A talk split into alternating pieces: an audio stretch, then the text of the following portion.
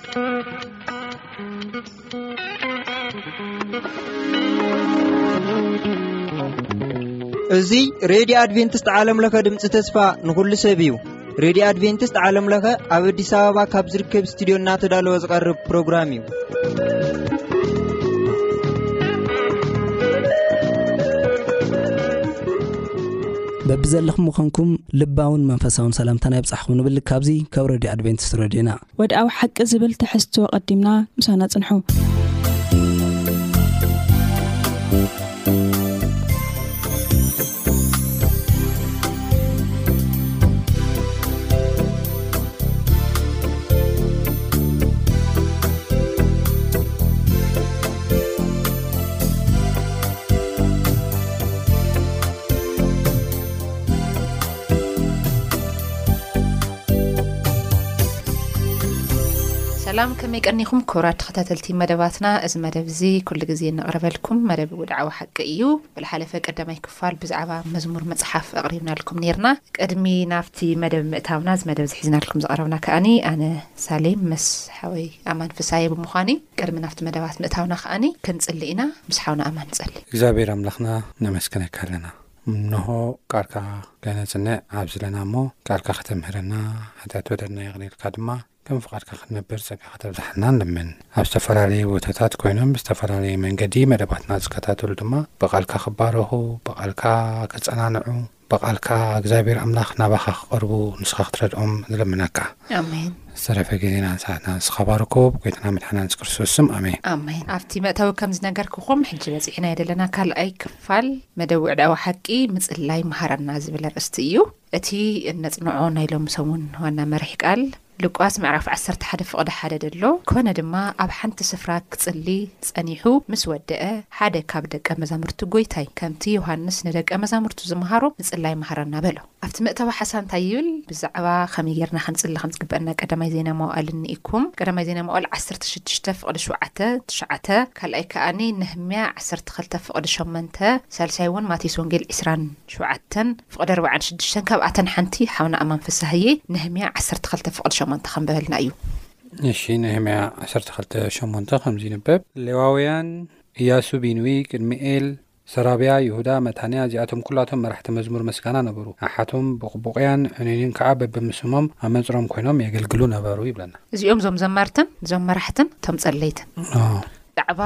ጸሎት ዝምህር ናይ መጽሓፍ ቅዱስ ክፍሊ ሓደ መዝሙር መጽሓፍ ብዝሓለፈ ከም ዝነገርናኩም ሓዘንና ሓጎስና ብዙሕ ስምዒታትና እንገልጸሉ ናትና እቲ ንሓስቦ ንብሎ ብሰፊሑ ዝተጻሒፉ ዝተቐረበሉ መጽሓፍ እዩ ኣብዚ እንታይ ይብል እቲ ብዘይ ብዙሕ ምስትንታን እትገብሮ ጸሎት እዩ መድምዒ ዝብል ናይ ብዙሕ ክርስትያናት እምነት እዩ ይኹን ደኣ እምበር ደቀ መዛሙርቲ ክርስቶስ ጸሎት መሃረና ክብሉ ከለዉ ብዙሕ እዮም ዝተባረኹ እግዚኣብሔር ነቲ መጽሓፍ ጸሎት መዝሙር ኣብ ሕምብርቲ መጽሓፍ ቅዱስ ዘቐመጦ እቶም ጥንታውያን ዘመርቲ ከመይ ከም ዝጸለዩ ከርእየና ጥራይ ዘይኰነስ ንሕና እውን ሎሚ ከምኡ ምእንቲ ክንጽሊ ኢሉ ኢዩ። ካብ ጥንቲ ጀሚሩ ንየሱስ እውን ሓዊሱ መዝሙር መጽሓፍ ህዝቢ እግዚኣብሄር ከመይ ክጽልዩ ከም ዝግብኦም ኣምሂሩ ኢዩ። ሓደ እቲ መዝሙር መጽሓፍ ማለት ኢዩ። ውረድ ኢልና ክንርኢ ከለና ኣብ ሰሙን እዚ ብሰፊሑ ንርእዮ ግን ከመይ ጌርና ክንጽሊ ከም ዝግብኣና መዝሙረ ዳዊት ናይ ጸሎት መሪሕ ቃል ጌርና ክንጥቀመሉ ንኽእል ከመይ እዩ ልብል እዩ። ስለዚ እንታይ ይብለና ኣብዚ ንህዝቢ እግዚኣብሔር ብኸመይ ንህይወቶም ክመርሑ ንሽግራቶም ክሳገሩ ምስ እግዚኣብሔር ክጎዓዙ ከም ዝሕግዞም ክነጽንዕ ኢና። ኣብዚ ክንዝክሮ ዝግበእና እቲ ሃይማኖታዊ ጥራይ ዘይኮነስ ንውልቃውን ጉጅላውን ጸሎት ብኸመይ ከም ዝህፍትሞም ዝልውጥ ከነስተብህል ከም ዝግበእና እዩ። ንመጽሓፍ መዝሙር ከም ብጸሎት ብምድጋም ንብዙሓት ነባር ዝተማልኣ ናይ ጸሎት ህይወት ክህሉ ኣኽኢልዎም እዩ ይብል ኣብዚ ናይ መእተዊ ናይ ሰንበት ኣርእስቲ ሓሳባትና ማለት እዩ። ስለዚ ከመይ ጌርና ኢና ክንጽሊ? ኣብ መዝሙረ ዳዊት እንተ ርኢኹምዎ ሓንቲ ከይጉደላ እዩ ዘቕርብ ኣብ ቅድሚ እግዚኣብሔር ሪፖርት ግልጽን ንጹርን በቃ ኮይንና ኣብ ቅድሚ እግዚኣብሔር ክንቐርብ እዩ እዚ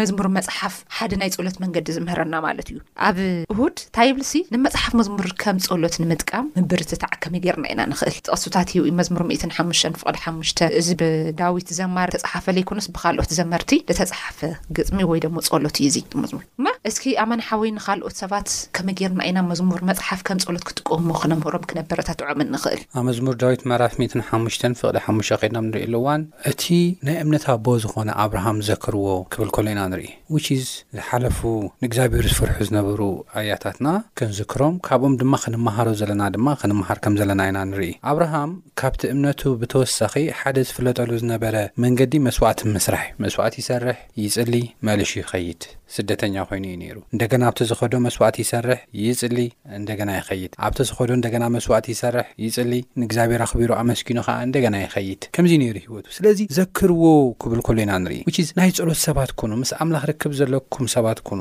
ክብለና ከሎ ኢና ንርኢ ኣብ መዝሙር ዳዊት። ስለዚ እንታይ ኢና ንብል ዘለና? ኣብ ዝሓለፈ ጽንዓትና ከም ዝረኣናዮ መዝሙር መጽሓፍ መዝሙረ ዳዊት እኳ ተባሂሉ ተተጸውዐ መዝሙር እዩ ናይ ብዙሓት ዘመርቲ መጽሓፍ ስለ ዝኾነ ናይ መዝሙር መጽሓፍ ተበልናዮ ተዝሓሸ ይመስለኒ ናይ ዳዊት ጥራሕ ስለ ዘይኮነ እቲ ሚእትን ሓምሳን መዝሙር ፍርቁ እዩ ናይ ዳዊት እምበር ብዙሕ ልዕሊ ፍርቂ ዝኾኑ ናይ ካልኦት ዘመርቲ እዮም ስለዚ እዚ መጽሓፍ ኩሉ ምስቲ ዕለታዊ ህይወትና ምስ ዘጋጠመና ነገራት ብጣዕሚ ገጣሚ ዝኾነ መፅሓፍ እዩ ማለተይ ኣብ ዝተፈላለዩ ኩነት ዝተፃሓፈ ካብ ምዃኑ ዝተላዕለ ሓጎስ እውን ኣብ ግዜ ሓጎስ እውን ዝተዘመረሉ ኣብ ግዜ ሓዘን እውን ዝተዘመረሉ ኣብ ግዜ ሕቶ ዝኾነካ ጽልምት ዝበለካ ግዜ ውን ኣሎ እንደገና በሪህ ኢልካ ደስ ኢልካ እልልታን ፍስሃን ደስታ መሊኡ ውን ተዘመረ መዝሙር ኣሎ ስለዚ ምስ ሕድሕድ ናብራና ዝተተሓሓዘ እዩ ስለዚ መዝሙረ ዳዊት ከም ናይ ጸሎት መጽሓፍ ጌርካ ምጥቃም ኣገዳሲ እዩ ኢና ንብል ዘለና ካብኡ ክንመሃር ይግበኣና እዩ እና እንታይ ኢና ክንገብር ዘለና ከመይ ጌርና ኢና ክንጥቀመሉ ዘለና ንዝብል ሕቶ እቲ ቀዳማይ መጀመርያ እቲ ጥቕሲ ኣብ መዝሙር ዳዊት ዘሎ እንታይ ንግበሮ ነንብቦ ራፍሊ ነንብቦ እግዚኣብሔር ከምህረና ቅድሚ ምጅማርና ጸኒና ነንብቦ ደሓሬ መሰንበብናዮ ድማ እግዚኣብሔር ዘተሓሳሰበና ብኡኡ በቲ መንገዲ እቲ ዘምሀረና ጽሑፍ ገርና ከኣ እንታይ ንግበር ናብ ጸሎት ክንኣቱ ከምዝግበኣና እዚ ድማ ከምዝባርኸናን ዓቢ ናይ እግዚኣብሔር ፍቅርን ክብርን ድማ ንክንርኢ ከምዝሕግዘናን እዩ ዝዛረብ ርግጽ እዩ ኣብ ያዕቆብ ምዕራፍ ሓሙሽተ ፍቅዲ ዓሰርተ ክልተ ከድና ኣብ ንርእየሉ እዋን ብዙሕ ምክርታት ምስ ሃበ ኣብ ቁጽሪ ዓሰርተ ሰለስተ ኣብ ማእከልኩም መከራ ዝቅበል እንተሃልዩ ንሱ እንታይ ይግበር ይጸሊ ዝተሓጎሰ እንተሃልዩ ንሱ መዝሙር ምስጋና ይዘምር ይብለና። ስለዚ ንጸሎት ኩሉ ግዜ ከነቐድም ከም ዘለና፣ ብምስጋና ናብ እግዚኣብሔር ክንቀርብ ከም ዘለና ይነግረና እዩ እሞ እዚ ነዚ ዓይነት ሕይወት መንፈሳዊነት ዝተመልኦ ሕይወት ናይ መዝሙር መጽሓፍ ዋና ዋና ዋና መጽሓፍ እዩ። ምናልባት ናይ ታሪኽ መጽሓፍቲ ክንርኢ ከለና ዋእ እዮብ ሓሊፉ እዩ ናይ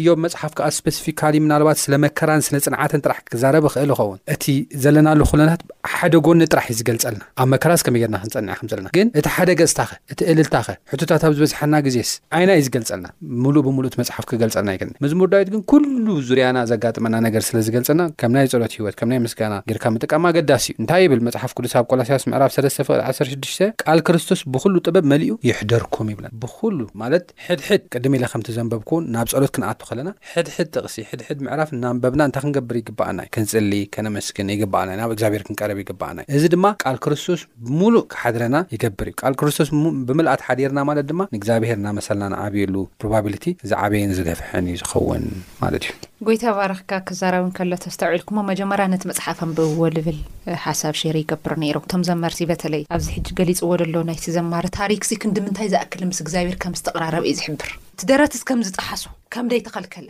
እግዚኣብሔር ከኣኒ ንሱ ርእዩ እዩ ከም ልበይ ኢልዎ ኣሎ ነቲ ዘማሪ እዚ ሓሳበይስ ብደንቢ ትርደአለይ ሰብ ኢኻ ዓይነት ከም ደበሉ ምክንያቱ እግዚኣብሔር ምሳናስ ክንድሉ ልዕሉ ዝኣክል ክንቀራረብ እዩ ዝደሊ እና እዚ መንገዲ እዚ እንድሕሪ ተተጠቒምና እግዚኣብሔር ምንም ነገር ይኹን ምንም ብዙሓት ኣብ ልዕሌና ዝበፅሑ ነገራት ብቻ ናብኡ ክንመፅእ እዩ ዝደሊ እንታይ ኢና ክንገብር ዘለና ግን ክንርድኦ ክንኽእል ኣለና ናይዚ ዘማሪ ታሪክ ምዃኑ እዩ ዝሕብረና እዚ ክንዲ ምንታይ ዝኣክል ቀረባ ዓርኩ ከም ዝነበረ እግዚኣብሔር ዳዊት ክንዲ ምንታይ ዝኣክል ቀረባ ኣማኻሪኡ ከም ዝነበረ ክንድምታይ ዝኣክል ቀረባ ልርድኦ ኣካል ከም ዝነበረ፣ እግዚኣብሔር እውን እዚ መንገዲ እዚ ይደሊ ስለ ዝነበረ ይመስለኒ እዚ ናቱ ግጥምታት ወይ ድማ እቲ ናቱ መዝሙራት ብስጋ ለይኮነስ ብመንፈስ ተጻሒፉ ንኣና እውን ንትውልዲ እዚ ክጸንሕ ዝተፈቐደ ማለት እዩ እምበር ብዙሓት ጸሓፍቲ እኮ ጽሑፍ ጽሒፎም እዮም ግን ኣይጸንሐን እዚ ግን ህላወ ናቱን ናይ እግዚኣብሔርን ብደንቢ ገይሩ ዝገልጽ ብጣዕሚ ኣብ መፈንጠረው ዝኣተየሉ ሰዓት ለኩ ብዙሕ ልተዛረቦ ዘረባታት ኩን እየ ዳዊት እቲ ዘማሪ ማለት እዩ ብኸመይ መንገዲ ግን ናብ እግዚኣብሔር ቀሪቡ ልብል መጀመርያ ላይ ከም ጸሎት ዋላ ምጽላይ ተኣዊና ስቲ መዝሙር ንሱ እንትንብዩና ሲ ዳርጋ ጸልጽ ኣለና እዩ ምክናቱ ኣብቲ ቦታ ንሱ በጺሕና ኣለና ማለት እግዚኣብሔር እዛ በር ንሳ ጥራሕ እዩ ዝደልያ ተኣንፈት ንሳ ክንጥቀም ሓቀይ ደቀ መዘሙርቱ ክርስቶስስ ጸሎት መሃራና ክብልዎ ከለውስ ባህ ኢልዎም ስለምንታይ ቀደሞት እውን ቶም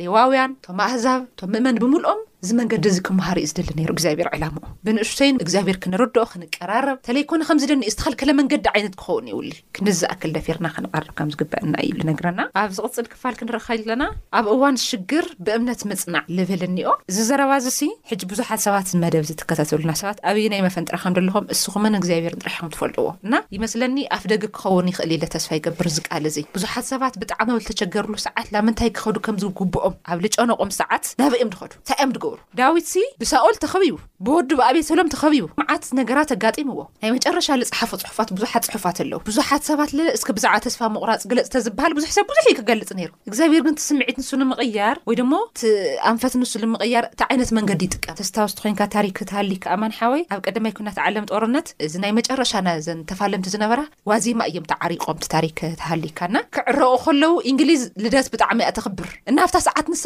ካብቲ ሽዑ መዓልቲ ብድሮ ኢዩ ዝኽበር እቲ በዓል እና በታ መዓልቲ ንሳ ግን ክተኽብር ደልያ ኣላ ጨኒቑዋታ ሒዛ ትቕረብ እዚ ስጦታ እዚ ዛፍ እቲ ሽዑ ሰዓት ደኩሬት ንገብሮ ጦር ኣጽዋር መሳርሒ ሒዞም ክንዲ ዝቐርቡ በቲ ዝተሰልፉ ጀነራላት ኣጽዋር ሒዞም ኣለዉ በቲ ፍርቆም ግን እዚ ናይ ገና ስጦታ ሒዞም ይቀርቡ ደሓር ብጹእ ለይት ቅዱስ ለይት ልብል መዝሙር እንግሊዘኛ ሆሊ ናይት ኤንድ ሆሊ ደይ ልብል ሰብ እዚ መዝሙር እዚ ኢዩ ዝዝምሮ ደብዳብያ ትድብደብ ደላ ኣብቲ ሽዑ ሰዓት ሓንቲ ጓል እንታይ ኣንቢባ ይብል መዝሙረ ዳዊት ሓላዊኽ እንኳ እንዶ ክድቅስ ኣይታኸስን ዝብል ምስ ኣንበበት፣ ዋእ እሞ እንታይ ኣለና ኣብዚ ናይ ሃዲድ ባቡር ዝሕባእ ኢላ ገዛኣ ከም ዝኸደት ተረዲእካ። ደሓር እዚ መጽሓፍ እዚ ዘንበበቶ ኣይታኸስን ዝብል ብዙሓት ሰባት እንድሕር ኣነ ሓላዊ እንተሃልዩኒስ እንታይ ዘፍርሕ ኣለኒ ኢላ ከይዳ እና ሓደ ዓርሱ ዝኸኣለ መዝሙረ ዳዊት ንመላእ ዓለም እሳ እኮ ማለት ክርስትያን ኣይነበረትን ኣብቲ ባቡር ሃዲድ ምስ ተሓበአት መጽሓፍ ሓደ ከምልጥ ገዲፍዎ ከይዱ ደሓር ኣጋጣሚ ክፍት ኣቢላ ከምዚ ገይራ ክብራት ሰማዕትና እዚ ታሪክ እዚ ማለት እዩ ኣብ እንግሊዝ ዝተገበረ ታሪክ እዩ ግልጽ እንተበለት እሞ ምስ ኮይን ደኣ ቡን ገዛይ ከይደ ልይድቅስ ኢላ ድሓር ከተማ ምሉእ እንዳ ተደምሰሰ ገዛኣ ምሉእ እኮ ፈሪሳ እያ ኣብታ ናታ ደቂሳትላ ዘላ ብምሉኣ ግን ሓንቲ ልነጥበት ነገር ከም ዘይነበረት ይነግረና ታይ እያ ኣንቢባ ግን እዛ ሰብ እዚኣ መዝሙረ ዳዊት ኣይኮነን ዶ ክድቅስ ኣይታኸስን ዝብል ኣንቢባ ብምንታይ ተጽናዕኒዓ ብዛ መዝሙር እዚኣ ክንዲ ምንታይ ዝኣክል ንብዙሓት ሰባት ዝቀደማይ ኩናት ዓለም ተስፋ ሂቦም ከም ዝነበረ ሕጂ ውን ኣሕዋትና ናብዚ መዝሙር መጽሓፍ እንዳ ከድኩም እንተ ኪኢልኩም ተደይ ሃሊኩም ክትገዝኡ እንተ ሃሊኩም ክተንብብዎ ኢና ንዕድመኩም ኣብ ጭንቅኹም ሰዓት መፈንጥራኹም ኣብ ዝተኸበበ ሰዓት ኣብ ዝተትሓዘ ሰዓት ዋእ ለካ ሓላዊ እባ ኣለኒ ሓላዊ እባ ኣይታኸስ ልብል ዘጸናንዕ መንገዲ ኣለዎ እና ኣብ ምንታይ ተስፋ ምቑራጽ ኢኹም ትርከቡ እግዚኣብሔር ብእምነት ዝመጽሓፍ ጥራሕ ክፈትዎ ንኣኹም ዝዛረበኩም ካብቲ መጽሓፍ ምዕራፋት ኣለዎ ኣይታኸስን እያ እኮ ኢላ ኣንቢባ እሳ ግን ኣብዚ ዘላቶ ከባቢ ይድብደብ እዩ ደሎ ሽዑ ሓደ ሽሕን ሽውዓተ ሚእትን ሰባት እያ ደብዲባ ከይዳ ታይ እያ ተኣማሚና እዛ ሰብ እዚኣ ታይ እያ ኣንቢባ ቅድሚ ሕጂ ጸልያ ኣይትፈልጥን ቅድሚ ሕጂ ምንም ነገር ጌራ ኣይትፈልጥን ግን ዝመዝሙር ዝኸፍት ምስ ኣበለቶ ኢላ ተስፋ ጌራ ብቲ ተስፋ ንሱ ተሃኒጻ ካብቲ ዓበይቲ መፈንጥራታት ከም ዝሓለፈት እና ካብቲ ዓብዩ ሒዙኩም ደሎ ኣይፈትሕን ኣይለቅቅን ኢሉኩም ደሎ መንገዲ መዝሙር መጽሓፍ ክፈቱ እዚ መዝሙር መጽሓፍ ቅድሚ ኣብዚ ናይ መጀመርያ ክፋል ከም ዝነገርናኩም ብናይ ሰብ ስጋ ስምዒት ደይኮነ ተጻሒፉስ ብመንፈስ ኣምላኽ መራሒት እዩ ተጻሒፉ እግዚኣብሔር ዘቀበሎ ሓሳብ እዩ ዋእ እሞ እግዚኣብሔር ዳኣ ንሰብ እንድዩ ቀቢሉ እዚ ናይ ሰብ ስምዒት እግዚኣብሔር ከምዚ ክጽ ን ዘመሓላለፎ በብዘመኑ መልእክቲ ስለ ልነበሮ ርግጠኛ እየ ዋላ እስኪ ኣማን ዝዛረቦ ክህልዎ ይከውን ይክእል እዩ ኣነ ብወገነይ ዋላ ልነግረኩም ኣሕና ለሕለፍናዮ ኣብቲ ዝነብርናዮ ከባቢ ጦርነት እሶም ብዝተፈላለዩ ነገራት ይምክሑ ኣሕና ግን ብኣምላኽና ንምካሕ ልብል ኣርእስቲ ኣሎ ለካ ንሱ ክኸውን ዝኽእለስ ኣምላኽ ተሒዝካ ጥራሕ እዩ እዚ መጽሓፍ ን ናብ ፈጣሪ ጥራሕ እዩ ልመርሓካ ናብቲ ኩሉ ልኽእል እዩ ልመርሓካ ናብ ብዙሓት ሰባት ካብቲ ዓበይቲ ሃዳናይ ከም ዘምለጡ እውን ታሪክ ይሕብረና መዝሙረ ዳዊት ኣርባዕን ኣርባዕተን ለኒእኩም ኣብ ዓበይቲ መፈንጥራታት ኣብ መቐጥቀጢ ኣትማና ተኣኪብና ተቐጥቂጥና ሱቅ ኢልካና ኢሉ ድሕሪ ግዜታት ውሩድ ኢልኩም ክትርእዩ ከለኩም ግን ከኣ ሓቢርካና ይብል ሱቕ ይብል እሞ ዳሕራይ ግን እግዚኣብሔር ኣምላኽ መንፈስ ልኢኾም ከኣኒ ዘጸናንዕ ቃል ክጥቀም ይገብሮ ለካስ ኣለኻ ኢኻ እና ኣብዚ ኩነታት እዚ ኮይና ኣብዚ ተስፋ ምቑራጽ ኣብዚ ዓበይቲ መፈንጥራታት ኣው ለምለይ ንኽእለሉ ሸነኻት ኮይና እንታይ ክንገብር ንግደድ ድምጺ እግዚኣብሔርን ከምዚ ሃላዋት እግዚኣብሔርን ዘረድእና መጽሓፍ ሓደ ዓርሱ ዝኸኣለ መዝሙር መጽሓፍ ክነንብብ እዩ ሕጂ እዚ ናይ ሎም ክፋልና መልእኽቲ እናመሓላልፈልኩም ማለት እዩ ናይ መጨረሻ እዚኣ ከም ባልደሊ ንረድኢት ይተስእ ምእንቲ ሰሃልኻ ኣድሕነና ኣድሕነኒ ብጽሐለይ ተዳሃየኒ ልብል ቃል ብዙሓት ክቡራት ሰማዕቲ ካብ ሕድሕድ ኣንደበት ወዲ ሰብ ዘይውዳእ እንኳን ዶ ንሶም እንስሳት ምድሪ ከማን ተጠሚዎም ኣንቃዕርር ኣቢሎም እዮም ናብ ሰማይ ልጥምቱ ኣብቲ ከባቢኦም እንተድኣ ስኢኖም ንላዕሊ ኣፎም ኣንቃዕሪሮም ድምጺ የስምዑ ኣብ ልኾነ መጽሓፍ ደንበብኩወና እቲ ናይቲ ተስፋ ምቑራጽ ሽግር ንኣኻትኩም ክንናገር ደይኮና ድንብለልና ኣብታ ክፍተት ንሳ ግን ብኸመይ መንገዲ ኢና ክንጽሊ ብኸመይ ክንጸናናዕ ልብል ዘጸናንዕ ቃል እውን ኣለዎ ኣማን ዘቕረቦ ነይሩ ክትጽልዩ የቕርዩልኩም ድሕሪ እቲ ጸሎት ከኣ ንክትጸናንዑ ምስ ጸለና ኢና ንጸናናዕ፣ ምስ እግዚኣብሔር ምስ ተዘራረብና ኢና ንጸናናዕ እና ካብኡ ተመሊሱ ምስ መጸስ ባህ ይብሉ። ከም ዝባህ ዝበሎ ልቢ ሰብ ኮይነ ይብል ዳዊት፣ ከምዚ ደስ ከም ዝበሎ፣ ከም ዝተመለሰሉ ኮይነ ተመሊሰ ኢሉ ይዛረብ እና እቶም ንኣኣቶም ከምኡ ከም ዝበጽሖም እግዚኣብሔር ከም ዝፈቐደ ምሕታት ግና ኣይተርፍን እዩ። እቶም ዘመርቲ ንዓርሳቶም እውን ከምዚ ዝኣምሰለ ተመክሮ ሓሊፎም እዮም። መንፈሳዊ ድርኺት ነቲ ዝበጽሖም ኩሉ መዝጊቦምዎ ኣለዉ። ኹሉ ኹሉ እዩ ተጻሒፉ እዚ ናይ መዝሙር መጽሓፍ ማለት እና ንሕድሕድ ስምዒትና ክንረኽበሉ ንኽእል መጽሓፍ እዩ በቲ መጽሓፍ ንሱ እንዳንበብኩም ዘለኹሞ ሸነኻት ክትስተኻኸልዎ ከም እትኽእሉ ክንገልጽ ንፈቱ። ኣብ ዝቕጽል ኣብዚ ናይ ቀቢጸ ተስፋስ ከመይ ጌሮም እዮም ክዝምሩ ከመይ ኢልና ኢና ክንዝምር ካበይ እዩ ክመጽእ እዛ ምዝማርሲ ኣብ ከቢድ መከራ ኮንካስ ከመይ ኢላ እያ ናይ መዝሙር ድምጺ ክትመጽእ። ብጣዕሚ ደስ ዝብል ሓሳብ እዩ እዚ ሓሳብ እዚ ቅድም ኢልኪ ውን እና ገለጽክዮ ኔርኪ ብፍላይ መዝሙር ዳዊት ምዕራፍ ኣርብዓን ኣርባዕተን ሲ ኣብ ከምዚ ዓይነት ጸልማት ኣብ ከምዚ ዓይነት ጓሂ ኣብ ከምዚ ዓይነት ናይ ተስፋ ምቑራጽ ግዜ ከመይ ጌርና ኢና ክንሳገር ንኽእል እዩ ኣብ ደቂ ቆሬ ዝጸሓፍዎ መዝሙር ኣብ መዝሙር ዳዊት ምዕራፍ ኣርብዓን ኣርባዕተን ዳዊት ኣይኮነን ጽሒፍዎ ደቂ ቆሬ እዮም ጽሒፎሞ ደቂ ቆሬ ዝጸሓፍዎ ቁጽሪ ዓሰርተ ሸሞንተ ክሳብ ዕስራ ዘሎ ሓሳብ ልብና እዚ ኩሉ ኣብ ልዕሌና በጽሐ ይብል እዚ ኩሉ መከራ ግፍዒ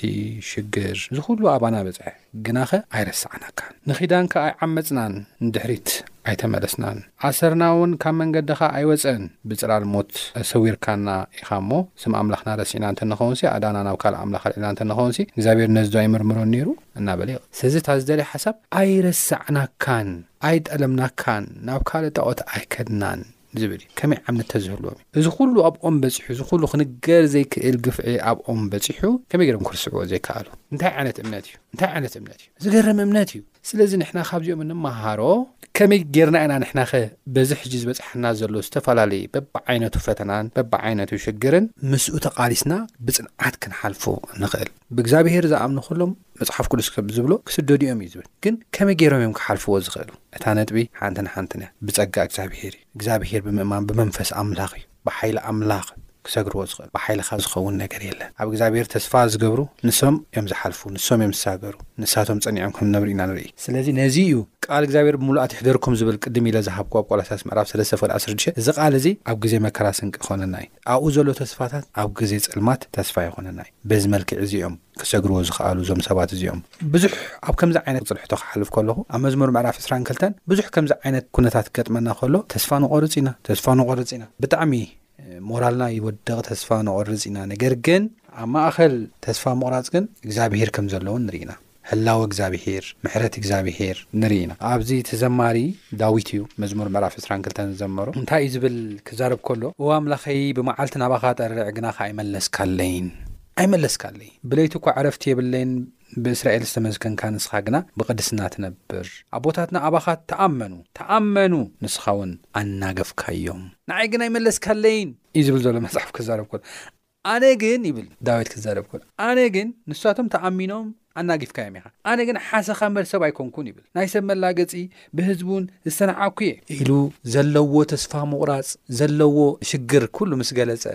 ኣብዚ ውሽጢ ተስፋ ምቁራጽ ግን ህላወ እግዛብሄር ክርእ ከሎ ኢና ንርኢ ህላወ እግዛብሄር ክርእ ከሎ ኢና ንርኢ ከመይ ጌሩ እዩ ህላወ እግዛብሄር ሪኡ ከመይ ጌሩ እዩ ምሕረት እግዛብሄር ሪኡ ከመይ ጌሩ እዩ ፍቅሪ እግዛብሄር ሪኡ ክንብል ከለና ኣብኡ ኣብ መዝሙር ዳዊት ምዕራፍ ዕስራን ክልተን ኬድና ንሪኢሉ እዋን ኣቱም እግዚኣብሄር እትፈርሑ፣ ኣመስግንዎ ይብል መልሹ። ንምንታይ? ኣቱም ዘርኢ ያእቆብ ኵላትኩም ኣኽብርዎ። ንምንታይ? ኵልኻትኩም ዘርኢ እስራኤላውያን ፍርሕዎ። ንምንታይ? ናይ ውጽዕ ሽግር ኣይነዓቐን እሞ፣ ሸለልውን ኣይበለን እሞ፣ ገጸይ ካባይ ኣይሰወረን እሞ፣ ናብኡ ምስ ኣእወኹ ሰምዓኒ። ሕጂ ዳዊት እንታይ እዩ ዝብል ዘሎ? ኣነ ግን ሓሰኻ እምበር ሰብ ኣይኰንኩን እዩ ዝብል ዘሎ። ኣዋሪዱ፣ ከምቶም ኣያታተይኮ፣ ንዓኻ ዝኣምነካ፣ ንዓኻ ዘኽብረካ ሰብ እኳ ኣይኰንኩን ኣነ። ክረኣ ከሎ ንዓኻ እኮ ዝኣምን ሰብ ኣይኮንኩን ኣነ ብጣዕሚ ሓሰኻየ ምስኦም ዝማጣጠን ውን ኣይኮንኩን ነገር ግን ናተይ ጸሎት ውን እንታይ ኣይገበርካን ኣይነዓካን ናተይ ጸሎት ውን ኣይነዓካን ናተይ ወጽዓ ውን ሸለል ኣይበልካን ዋእ እዚ ደኣ ሓሰኻ እንድዩ እዚ ደኣ ንእሽተይ እንድዩ ዓበይቲ ቦልድ ዝኾኑ ኣብ ታሪኽ እናሃለዉ ሲ ከመይ ጌረ ነዚ ክሰምዖ እዚ ንእሽተይ እዩ ኢልካ ሲ ሓደ ካን ክብል ከሎ ኢና ንርኢ ዳዊት ክዛረብ ከሎ ናይ ውጹዕ ሽግር ኣይነዓቀን እሞ ሸለል ውን ኣይበለን እሞ ገጸይ ካባይ ኣይሰወረን እሞ ናብኦም ምስ ኣእወኹ ሰምዓኒ፣ ኣብ ማእከል ዓቢ ጉባኤታት ምስጋናይ ካባኻ'ዩ፣ ኣብ ቅድሚ እቶም ዝፈርሑ መብጽዓይ ክህብ'የ ክብል ከሎ ኢና ንርኢ። ስለዚ ኣብ ውሽጢ ተስፋ ምቑራጽ ክብሪ እግዚኣብሄር ንርኢ ኢና። እንተደኣ ጸኒዕና፣ ብእምነት እንተደኣ ተሳጊርና፣ ክብሪ እግዚኣብሄር ንርእየሉ፣ ፍቕሪ እግዚኣብሄር ንርእየሉ፣ ምሕረት እግዚኣብሄር ድማ በቃ ግልጽ ኢሉ እንርእየሉ ሓሳብ'ዩ ዘሎ ማለት'ዩ። ስለዚ ዝገርም'ዩ፣ ኣብ ውሽጢ ተስፋ ምቑራጽ ኮይንካ ከምዚ ኢልካ ንእግዚኣብሄር ምዝማር ብጣዕሚ ጸጋ ኣምላኽ የድሊ እና ከምዚ ዓይነት መዝሙራት፣ ክንዝምር ከም ዝከኣል ብጸጋ ኣምላኽ እዩ ዘርእየና ሎሚ እውን። ኣብ ዘይከኣል ኹነታት እግዚኣብሔር እንተይኳ ይልክዕ ክትዝምር ከም እትኽእል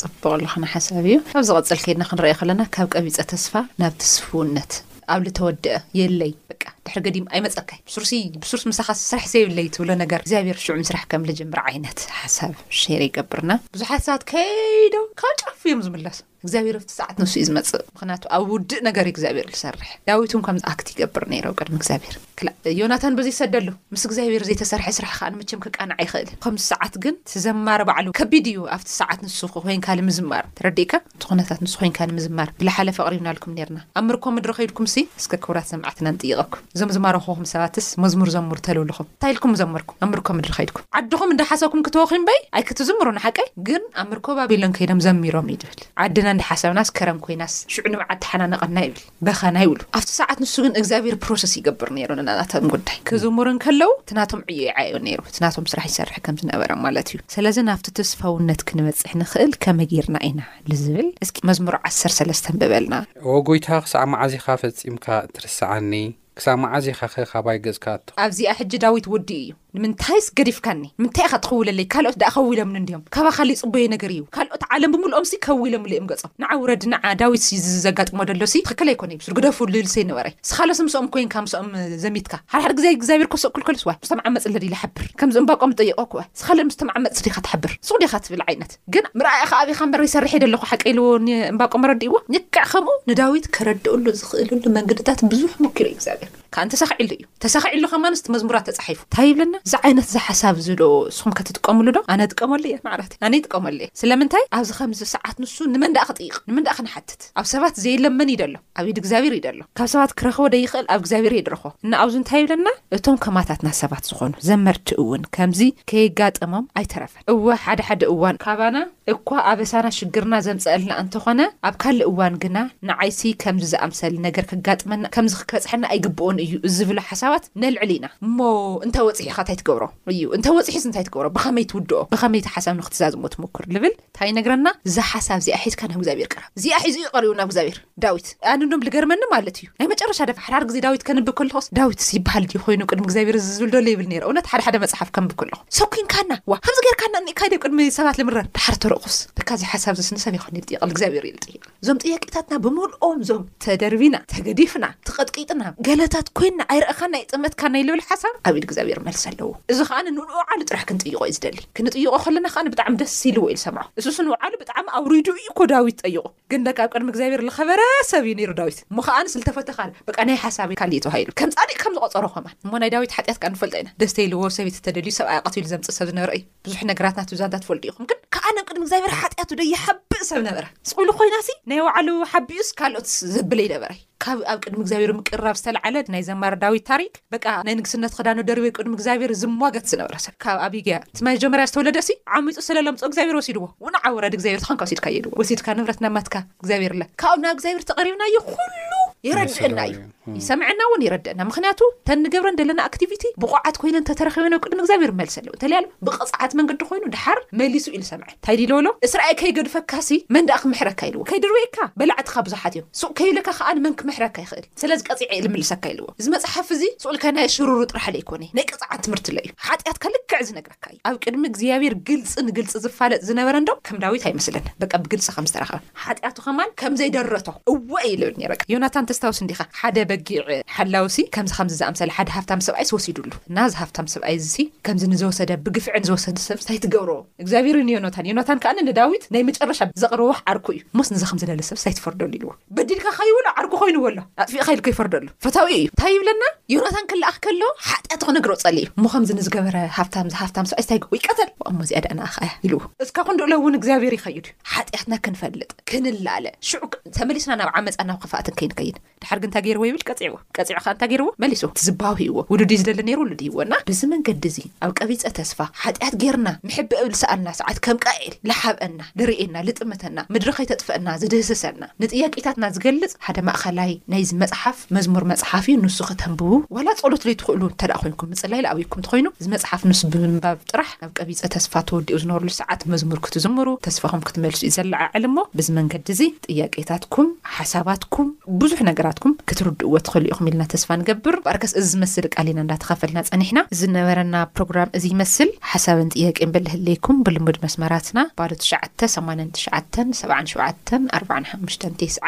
ብተወሳኺ ስልኪ ቁጽሪ ድማ። ዜሮ ትሽዓተ ዓሰርተ ዓሰርተ ኣርባዕተ ሓምሳን ሓደን ዜሮ ሓሙሽተ ወይ ድማ ብናይ ኢመይል ኣድራሻና TIGsong at gmail dot com ወይ ድማ ብናይ ቁጽሪ ሳጹን ፖስታና ሚእትን ኣርብዓን ሓሙሽተን ኣዲስ ኣበባ ኢትዮጵያ። ኢልኩም ሓሳብኩም